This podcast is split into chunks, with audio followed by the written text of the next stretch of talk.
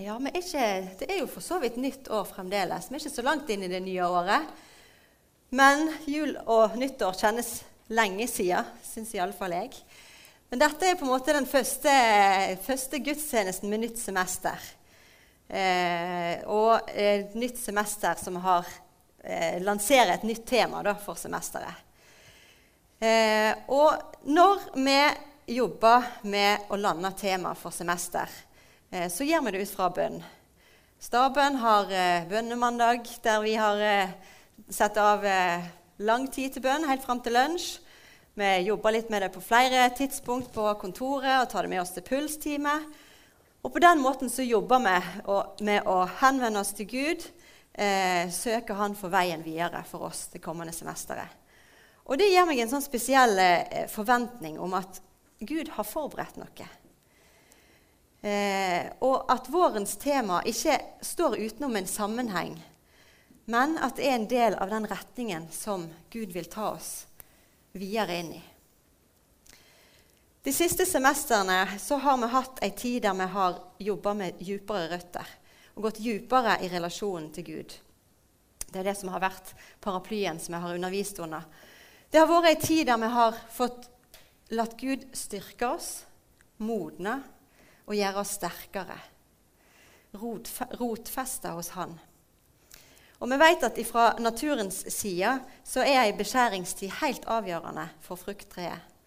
Det er avgjørende for at det skal holde seg sunt og friskt. Og det er avgjørende for at det skal kunne bære ny frukt og vokse. Og sånn er det for oss òg. For oss personlig og for oss som fellesskap. Ei beskjæringstid der vi kan få la Gud jobbe på innsida. La Gud få ta bort det som har gjort jobben sin, det som var ferdig, det som har hatt sin nytte. Og så la, han få lov til å jobbe i det usynlige for å styrke oss og klargjøre oss for nye ting. Temaet for dette semesteret Nå skal vi se, Jeg har glemt å ta med meg trykkerten min òg. Lucky prøver å lære oss i team å bli litt sånn tekniske, så jeg øver meg. Så er det veldig godt å ha hjelp av Jone der bak når det ikke går. så bra. Temaet for dette semesteret vi har skrevet 'Være mine vitner'. Og Det er tatt ut fra apostelgjerningene 1,8. Men dere skal få kraft når Den hellige ånd kommer over dere. Dere skal være mine vitner i Jerusalem, i hele Judea, i Samaria og helt til jordens ender. Dere skal få kraft når Den hellige ånd kommer over dere. Og dere skal være mine vitner i Jerusalem, i hele Judea, i Samaria og helt til jordens ende. Ut ifra dette semesteret så har vi satt to fokusspor som jeg ønsker å se litt mer på. Og så må jeg bare ta en liten sånn parentes før jeg fortsetter. For i går så leste jeg eh, en, på dagen. Der sto det om en studentundersøkelse som var gjort. Og noen av de tingene som kom fram, det var at opp mot rett over 70 eh, av studentene hadde svart at de var i en menighet som oppfordra folk til å dele tru. Som var på en måte, ja, det var en oppfordring å dele tru, dele evangeliet. Men så så de òg at ca. 30% mente at de var i en menighet som utrusta dem til å dele tru og dele evangeliet. Så disse to tingene eh, hang ikke helt sammen. Og det syns jeg var veldig interessant å se. De to sporene som vi opplever at Gud leder oss inn i for dette semesteret, det er å utruste oss til å være vitne, og å utruste oss som enkeltmenneske, som huskirke og storfamilie for å ta imot nye som kommer til tru. Så jeg tror vi trenger dette. Og det er spennende. Og her snakker jeg like mye til meg sjøl. For jeg kan kjenne på en usikkerhet i hvordan skal jeg gjøre det? hva skal jeg fortelle? Skal jeg bare vise med handlinger, eller trenger jeg òg bruke ord? Så Jeg tror at vi trenger denne tida for å trygge oss litt på hvordan skal vi være vitne. Hvordan skal vi dele erfaringene som vi har i fellesskapet her, når vi gjør det? Hvordan ser det ut? Og så sa jeg innledningsvis at dette var den første gudstjenesten. Men det kunne jo ikke passet bedre å ha Andreas Nordli på besøk forrige søndag. Der han eh, fikk eh, være gjestetaler, og han utfordrer oss på den siste delen av verset her. helt til jordens ende. Han utfordra og inspirerte oss til misjon som krysser landegrenser, fordi at Gud har kalt. Og Guds kall, det gjelder for oss alle. Et kall som har to sider. Et kall som først og fremst handler om å komme til Han for å få liv. Komme til Gud for å få liv. Dette er første prioriteringen. Det er hos Han vi får livet. Og den andre delen av kallet handler om å legge ned sitt liv. Og gå sammen med. Gå sammen med Jesus. For det er han vi skal gå i lag med for at flere kan få lov til å leve med Gud og ta del i frelsen. Så kallet handler om å komme for å få, legge ned for å gå. Det er spennende. Og det gjelder for oss alle. Og så er det lett å tenke at eh, det med å dele evangeliet og dele tru, det, er, det trenger en spesiell gaveutrustning for å ha. Og så er det lett å distansere seg litt fra det og tenke at det gjelder noen andre. Men det gjør ikke det. Dette kallet, det er for oss alle. Jesus sa til dem, 'Kom, følg meg, så vil jeg gjøre dere til menneskefiskere.' Dette er det første Jesus sier når han kalte disiplene sine. Kom, kom til meg. Følg meg, gå sammen med meg, og jeg vil gjøre dere til menneskefiskere. Dette er ikke noe vi skal gjøre alene, men sammen med Jesus. Og han vil gjøre det gjennom oss. Det å være fisker, det handler om å fiske. For å få fisk så må en fiske.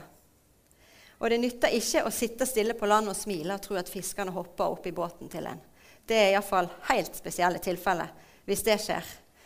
Men en fiskers oppgave, det er å fiske. Og så kan det være en tankevekker for oss som er kirka i dag, at det er så veldig lett å bli travelt opptatt med å organisere fiskeorganisasjonen, det interne i stedet for å faktisk gå ut og fiske. For en fiskers oppgave er jo nettopp å fiske. Kom, følg meg, så vil jeg gjøre dere til menneskefiskere. Dette er invitasjonen fra Jesus til oss alle. Og så ser det selvfølgelig forskjellig ut. Det ser jo forskjellig ut å fiske. Men det er et ord fra Jesus til sine disipler. Dere skal være mine vitner. I dag skal vi snakke litt om hvorfor vi skal være vitner. Egentlig så er jo det et veldig enkelt svar på det spørsmålet. Og når jeg har jobba litt med hvorfor vi skal være vitner, så er det gjerne et annet spørsmål som har blitt litt tydeligere for meg. Og det er hvordan kan vi la være å være vitne? Jeg har lyst til å spørre deg noen spørsmål så du skal få tenke litt på for deg sjøl. Hva har Jesus gjort for deg? Har han gjort noe som er verdt å fortelle til noen andre? Har han gjort noe som får betydning for dagen din i dag? Har han gjort noe som har fått betydning for livet ditt for alltid og evigheten?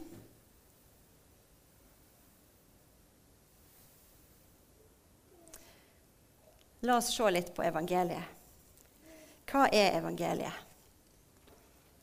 Og for oss, flesteparten av oss, så er det kjent stoff. Men jeg har lyst til å be deg om i dag å åpne hjertet. Lukk øynene om du vil, og la Den hellige ånd få lov til å gjøre det levende for deg på nytt. Evangeliet finner vi i denne boka her. Jeg tror på denne boka. Og jeg tror at inni her så finner vi sannheten om hvordan verden ble til. Og inni her så finner vi òg hensikten med tilværelsen. Og det tror jeg de aller fleste av oss her inne kanskje også gjør. Denne boka den forteller oss om at i begynnelsen så var det bare Gud som fantes. Men så begynte han å skape. Han skapte den ene tingen etter den andre. Sol, måne, stjerne, havet, grønn mark, fjell. Han skapte dyr, han skapte planter. Så nydelig som naturen kan være på sitt aller nydeligste. Det skapte han. Men så var det én ting han skapte som han var mest fornøyd med. Og det var det siste han gjorde, nemlig mennesket. Han har skapt hvert eneste menneske, og han skaper fremdeles. Både gjennom naturen og mennesker. Han har forma meg, og han har forma deg. Akkurat sånn som han ville at vi skulle se ut. Og han har lagd oss mennesker i sitt bilde. Det vil si at vi ligner på han. Jeg og du, vi ligner på Guds vesen. Han skapte oss til å være sine barn. Jeg har fått lov til å være hans datter. Han skapte meg for at jeg skulle få være hans datter. Du skulle få være hans datter eller hans sønn. For han skapte oss til en like tett relasjon som foreldre og barn. Helt nært, tett vennskap. Og sånn var det med de første menneskene. De levde skikkelig nært med Gud, og så hadde de det kun godt. Gud elska menneskene. Han var så fornøyd med mennesket som han hadde skapt. Og hans kjærlighet til menneskene den var vanvittig stor helt ifra begynnelsen. Og den var helt ubetinga. Og i en ubetinga kjærlighet så må det òg være en fri vilje. For den kan ikke tvinges på eller kontrollere. Kjærligheten trenger en fri vilje. Og Sånn var det i kjærlighetsforholdet mellom Gud og menneske òg. Men der, helt i begynnelsen, så gjorde mennesket et valg. Det valgte vekk Gud. Det valgte å gjøre mot Guds vilje. De valgte å gjøre Selv om Gud hadde sagt 'ikke gjør dette', fordi det er ikke bra for dere, så valgte mennesket å prøve det ut. Stolte ikke helt på at Gud visste best. Og det fikk alvorlige konsekvenser. På denne måten så kom ondskapen, det vonde, inn og fikk plass i verden. Plass hos mennesket. Mennesket begynte å lyge, begynte å gjemme seg for hverandre og for Gud. Det begynte å skylde på hverandre. Og det kom en avstand. En avstand i relasjonen mellom menneskene og en avstand i relasjon til Gud. Og Denne avstanden var ikke bare en følelse. Nå er det noe rart her. Det var ikke bare en følelse, men det var noe som faktisk skjedde. Fordi mennesket hadde åpna for ondskapen. Og Gud, som kun er god og hellig, han kan ikke være i nærheten av det. Det valget som mennesket tok, og som tar, som er Guds, mot Guds vilje, det kalles for synd. Og synd det kan ikke være i Guds nærhet. Så mennesket kunne ikke lenger være i lag med Gud. I hagen der det var skapt. I hagen der det kun var godt å være, og der det kunne være helt tett i lag med Gud. Vi fikk lov til å bo på jorda videre.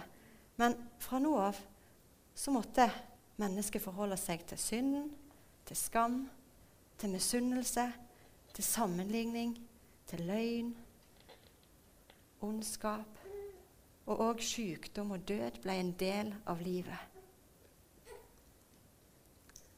Det er denne tilværelsen du og jeg og hvert menneske er født inn i. En verden der det mørke og vonde har plass. Og vi kan ikke leve i den identiteten som vi var meint i fra skapelsen av. I den tette relasjonen med Gud, vår far og vår skaper. For hvert eneste menneske som blir født inn i denne verden, så er det skikkelig dårlige nyheter. Et liv uten Gud her på jorda og døden som vi må forholde oss til. En død som denne boka forteller om en plass der det onde rår. Bibelen beskriver det som et helvete, fortapelse, hvor det bare er vondt. Men Gud elsker mennesket. Og Gud slutter ikke å elske mennesket, sjøl om mennesket velter ham bort. For han har kun de beste hensikter for mennesket. Og han lengter etter å være sammen med hver enkelt av de menneskene som blir født inn i denne verden. Derfor gjorde han det han kunne for å åpne relasjonen igjen. For å frelse mennesket fra en evighet der ondskapen bor. Og Måten han gjorde det på, var at han lot en del av seg, sin sønn, Jesus, bli født inn på jorda. Jesus levde et liv uten synd. Og det var den eneste betalingsmåten for å opprette relasjonen med Gud igjen. Jesus ble sjøl om han var syndfri, tiltalt. Han ble drept, helt uskyldig. Og han var død i tre dager før Gud reiste han opp igjen. Han ble levende, og på den måten viste han at han hadde vunnet over døden og ondskapen. Han viste at han var sterkere enn døden. Han kunne ikke holde på han. Jesus var sterkere. Og På den måten har Jesus gjort det mulig for hver den som tror på han. Vi skal få lov til å ta del i hans død og hans oppstandelse. Vi skal få kle oss opp i hans død og hans oppstandelse. Det betyr at den som tror på han, får lov til å leve med Gud ifra det øyeblikket som vi bekjenner han som vår frelser. Hver den som tror på han, går ikke fortapt til døden, hvor ondskapen rår, men får ta del i livet, et evig liv i vente, der kun det gode rår. All synden som jeg og du gjør, tenker eller sier eller har gjort, det har Jesus gjort opp for. Hans død og hans oppstandelse er min død og min oppstandelse min oppstandelse til et nytt liv i en identitet som han opprinnelig skapte meg til. Hans datter. Jeg skal få være hans datter i en tett far-datter-relasjon. Og ikke nok med det, så har Gud gitt oss sin ånd, Den hellige ånd, som flytter inn i meg når jeg bekjenner Jesus som Herre. Den styrker meg og gir meg kraft hver eneste dag så får jeg lov til å leve sammen med Gud. Og døden er lenger ingenting jeg trenger å frykte. Døden er et håp om en evighet der det kun er godt. Dette er evangeliet. Dette er de gode nyhetene som vi har fått høre. Og hvem er det for? Er det bare for oss? Absolutt ikke. For så høyt har Gud elsket verden at han ga sin sønn den enbårne, for at hver den som tror på han ikke skal gå fortapt, men ha evig liv. Gud sendte ikke sin sønn til verden for å dømme verden, men for at verden skulle bli frelst ved han. Jeg har ikke ord som kan beskrive hvor stort evangeliet er. Og det tror jeg ikke noen av oss har. For det er så vanvittig stort at det eneste vi kan gjøre, er å be Jesus om å vise oss hvor stort det er. Jeg har iallfall ikke ord som rommer det. For Jesus har gjort alt. Han har tatt meg ifra død til liv. Han har tatt meg ifra dårlige nyheter og dårlige utsikter til sykt gode nyheter og vanvittig gode utsikter. Fra evig ondskap til evig godhet. Han har latt meg få leve med Guds ånd på innsida. Hele tida. Kraften, hjelperen. Og latt døden få bli en vinning, som det står inni her. En seier. Håpet om en plass der alt er så uendelig mye større eller bedre enn vi klarer å fatte og begripe i denne verden. Tenk så vanvittig heldige vi som har fått lov til å høre dette. hvordan kan vi la være å fortelle det til menneskene rundt oss? Familien Landro hadde for noen måneder siden noen intense dager i Israel. Jeg har delt litt stykkevis og delt med noen av dere tidligere. Men kort fortalt så landa vi i Tel Aviv natta før terrorangrepet brøt ut i Israel 9.10. Når vi var der, så ble det enda mer tydelig for meg hvor ubeskrivelig vondt det vonde i verden er. Her i Norge så er vi beskytta eh, fra den slags ondskap på en annen måte.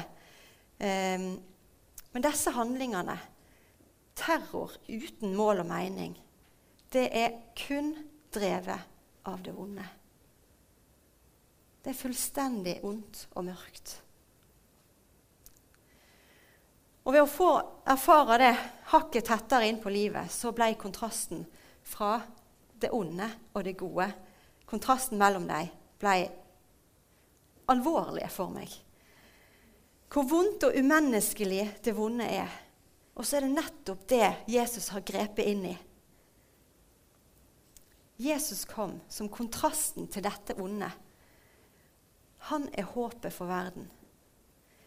Og i denne verden så må vi forholde oss til det vonde og det gode. Men evangeliet om at Jesus har vunnet seieren over alt det vonde, den er for oss alle.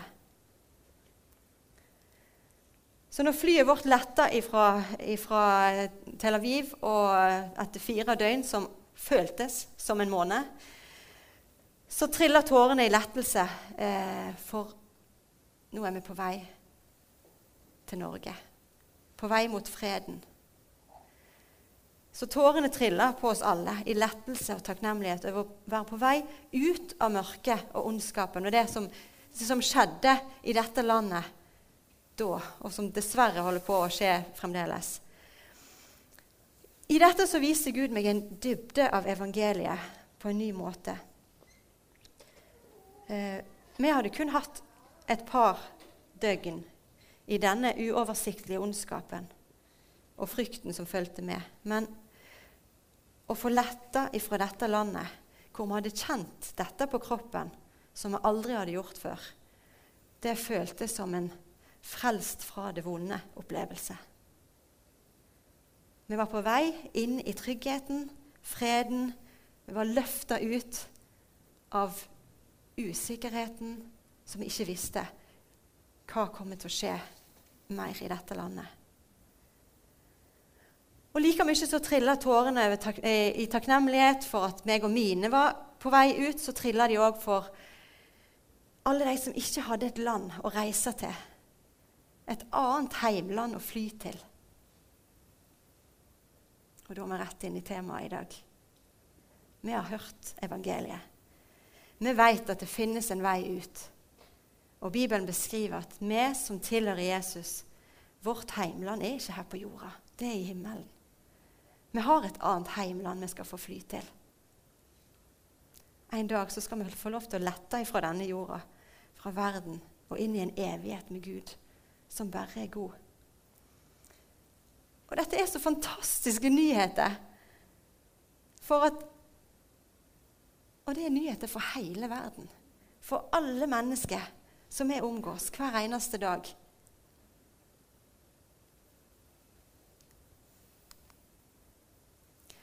Det finnes ikke frelse i noen annen, for under himmelen er det ikke gitt mennesket noe annet navn som vi kan bli frelst med. Jesus er den eneste veien.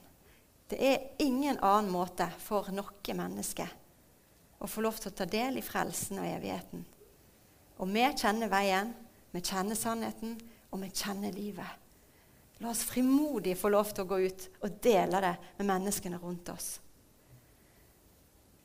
For i apostelgjerningene som vi så på innledningsvis, dere skal være mine vitner i Jerusalem, Judea, Samaria og helt til jordens ende. Jerusalem i denne teksten er meint som disiplene sitt nærmiljø. Og så Judea litt lenger ute, og så til verdens ende. Mange av oss her inne vi har fått høre eh, evangeliet fra familiene våre. Men hadde ikke vi hørt det fra familien, hvor hadde vi hørt det fra da?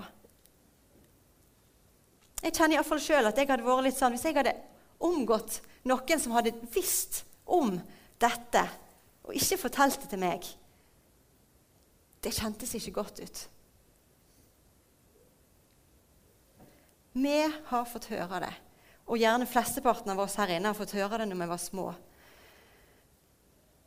Og Det som er en fare for oss når vi har hørt det helt ifra vi var små, er at vi tar det litt for gitt. At det blir ikke stort for oss lenger. Vi har hørt det så mange ganger at det på en måte nesten blir litt kjedelig. Men det er mange mennesker rundt oss som ikke har hørt, og som ikke kjenner evangeliet nok til å faktisk kunne ta et reelt valg i forhold til det. Vårt Jerusalem er vårt nærmiljø. Der du lever, der folkene du omgås jevnlig, i det daglige kanskje, eller de som du treffer på. Og vårt kall, som er gitt til oss, er først og fremst til de folkene her. Og mulighetene ligger der daglig. Vårt ansvar er å fortelle dem evangeliet, og at det er tilgjengelig for dem. Og så er det ikke vårt ansvar hva de velger å gjøre med det. For det er personlig valg, og det er nødt til å gjøre for sin egen del.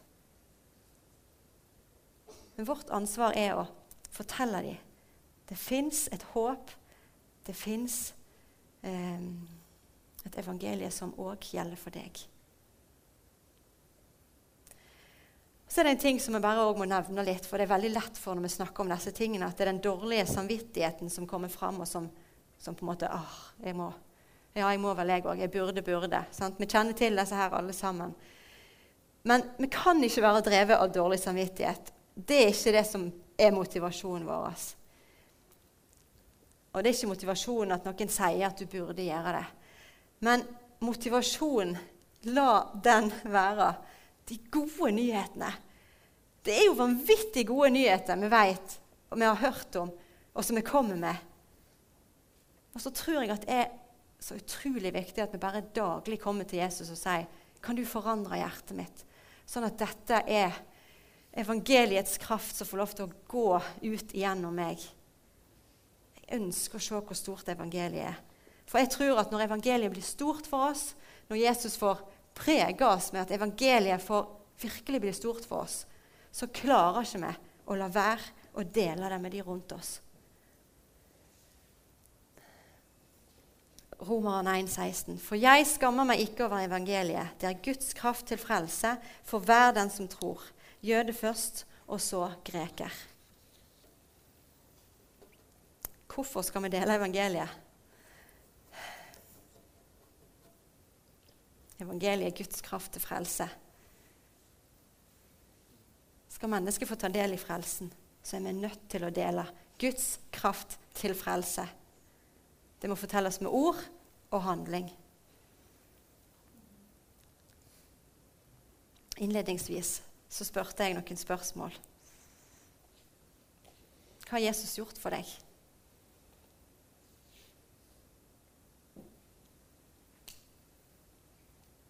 Han har gitt deg livet.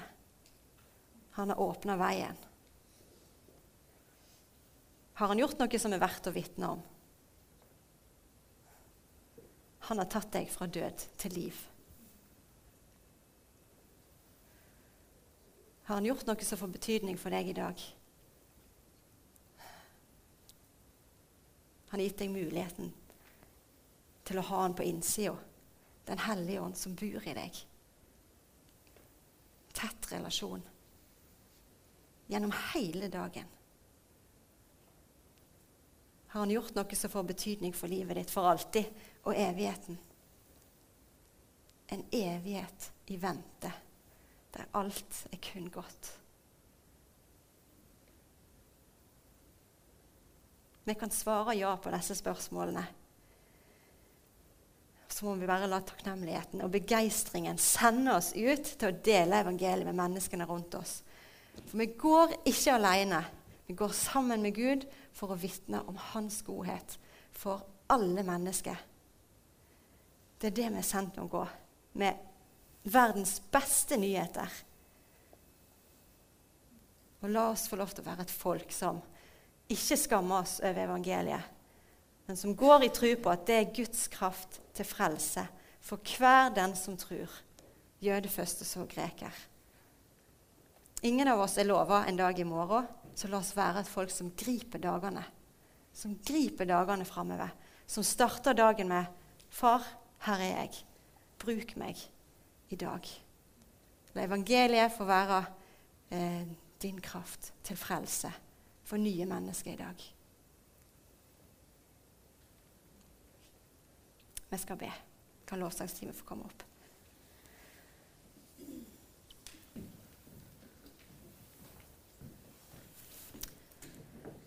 Far, du har gjort alt. Jesus, du har gjort alt for oss. La oss få lov til å leve i takknemlighet over alt det som du har gjort. Helligånd, jeg ber om at du viser oss hvor stort evangeliet er. Vi trenger å se det på nytt. Vi trenger å oppdage det. Vi trenger å oppdage at du har tatt oss fra død til liv. Du har tatt oss fra dårlige utsikter til fantastiske utsikter. Kom, Helligånd. Kom, Helligånd, og vis oss hva evangeliet faktisk er. Og far, Jeg har lyst til å be over oss alle som er her inne nå, som kjenner at jeg har hørt evangeliet så mange ganger at jeg, jeg har nesten gått litt lei. Far, jeg ber om at du avslører den løgnen i vårt liv. Og at din sannhet om hva evangeliet er, blir stor for oss på ny.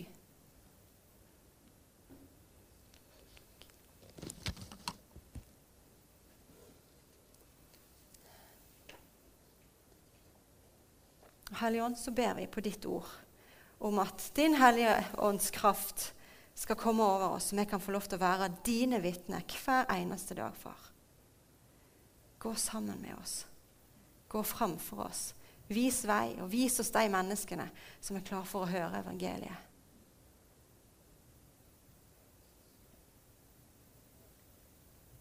For vi ønsker ikke å gå i egen kraft. Vi vet at det er gjennom deg vi trenger å gå.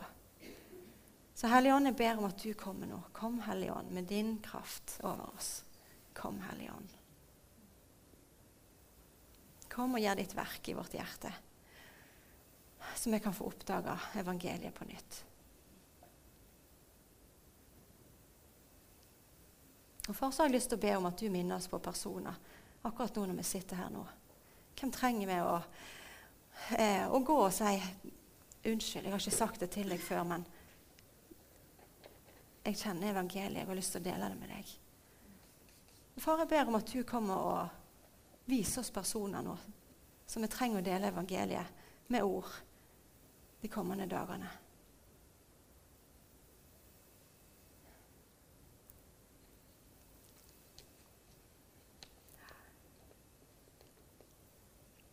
Amen. Så skal vi få lov til å reise oss alle sammen. Skal lovsangsteamet få lede oss i eh, tilbedelse. Og altså Det er jo fantastiske nyheter. La oss komme fram for Gud i takknemlighet og begeistring over alt han har gjort. Og Det er forbedere tilgjengelig bak i eh, forbederhjørnet. Og jeg har lyst til å invitere spesielt eh, til forbønn i dag. Om du kjenner at evangeliet har på en måte mista litt sin kraft i meg. Jeg trenger at evangeliet blir stort igjen, sånn at jeg kan gå og dele evangeliet av begeistring for det som Jesus har gjort for meg. Jeg har lyst til å invitere deg hvis du kjenner at ah, føler meg kraftløs og tom. Jeg trenger Den hellige ånds kraft. Så gå bort og la noen få be i lag med deg og for deg.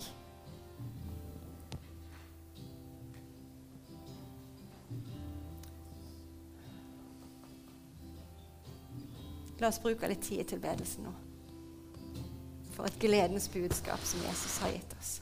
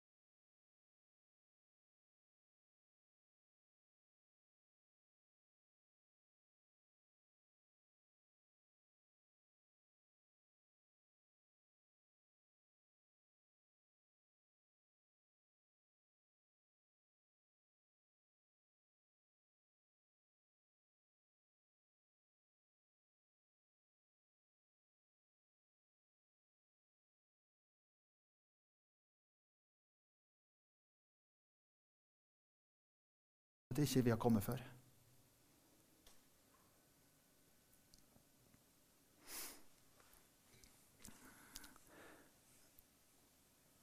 Så kjære Jesus, vi ber akkurat nå.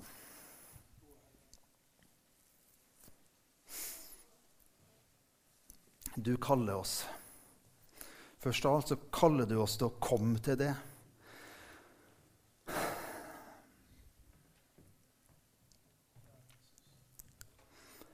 Så kaller du oss til å gå med det.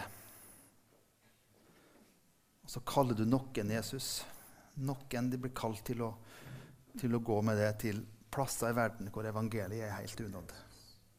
Og vi ber Helligånd akkurat nå at du skal drive arbeidere ut. Du som er høstens herre, du skal drive arbeidere ut. Du skal kalle mennesker ifra Norge til å gjøre det samme som nordmenn har gjort snart 200 år.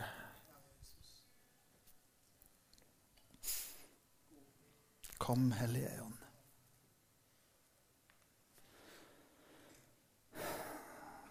Vi skal få lov til å si, 'Herre, her er jeg, send meg'.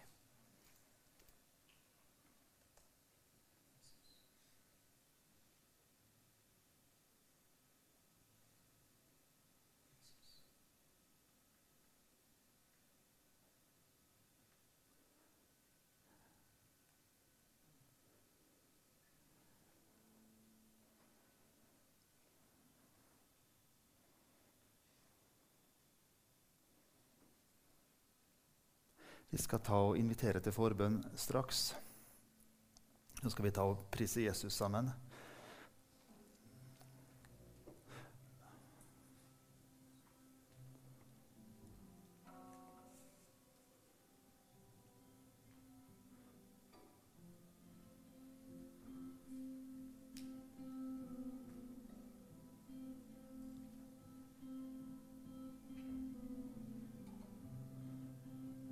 Hvis, du, eh, hvis du er i denne kategorien som vi har snakka om, som, som um,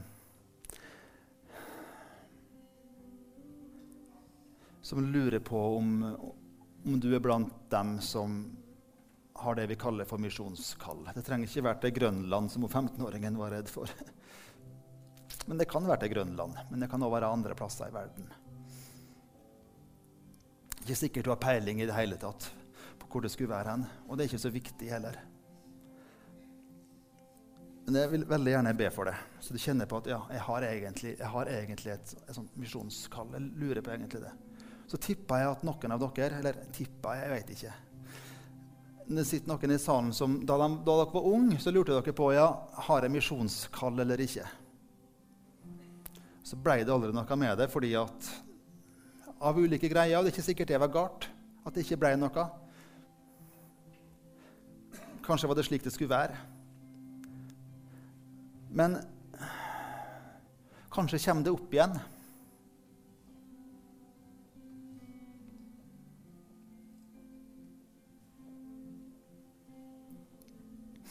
Kanskje kommer det opp igjen. Jeg vil veldig gjerne, Hvis du er en av de to kategoriene, lurer på misjonskall Til å krysse en grense og flytte et annet sted i verden. Eller at du, du, har kjent på det før, men så har det av ulike grunner bare visna bort. uten at det var... Ja, Kanskje var det planlagt, men kanskje var det ikke planlagt. Men kanskje Gud er i ferd med å vekke det opp igjen. Jeg har lyst til har lyst til å be for det.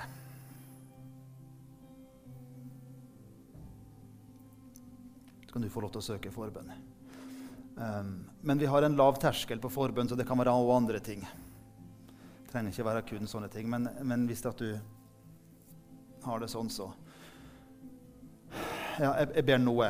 Det er ikke sikkert vi får bedt for personlig. Så hvis, hvis du er i den kategorien, vil ikke du bare rekke opp hånda di, og så skal jeg ta og bare bere, bere bare en bønn. Mm, ja. Mm. Gud velsigne dere. Mm, kom, Hellige Ånd. Kom, Hellige Ånd. Jeg ber for dem som har hendene i været. Vi ber om at du skal velsigne dem, far ber om at du skal, skal velsigne dem med, med, med, mm, med, kraft. Med forståelse. Med innsikt. med visdom. Må du velsigne dem med relasjoner, far. Kom, du Hellige Ånd. Kom, du Hellige Ånd. Vi ber om at du skal bekrefte kallet. Ber om at du skal bekrefte kallet gjennom andre, far. Kom, du Hellige Ånd. Kom, du Hellige Ånd. Gjør ditt verk. Gjør ditt verk, Hellige Ånd. Gjør ditt verk, vi ber. Gjør ditt verk. Vi ber om en, at du skal styrke ryggraden til å kunne bære kallet. Vi ber om mot, far. I ditt navn vi ber. Amen.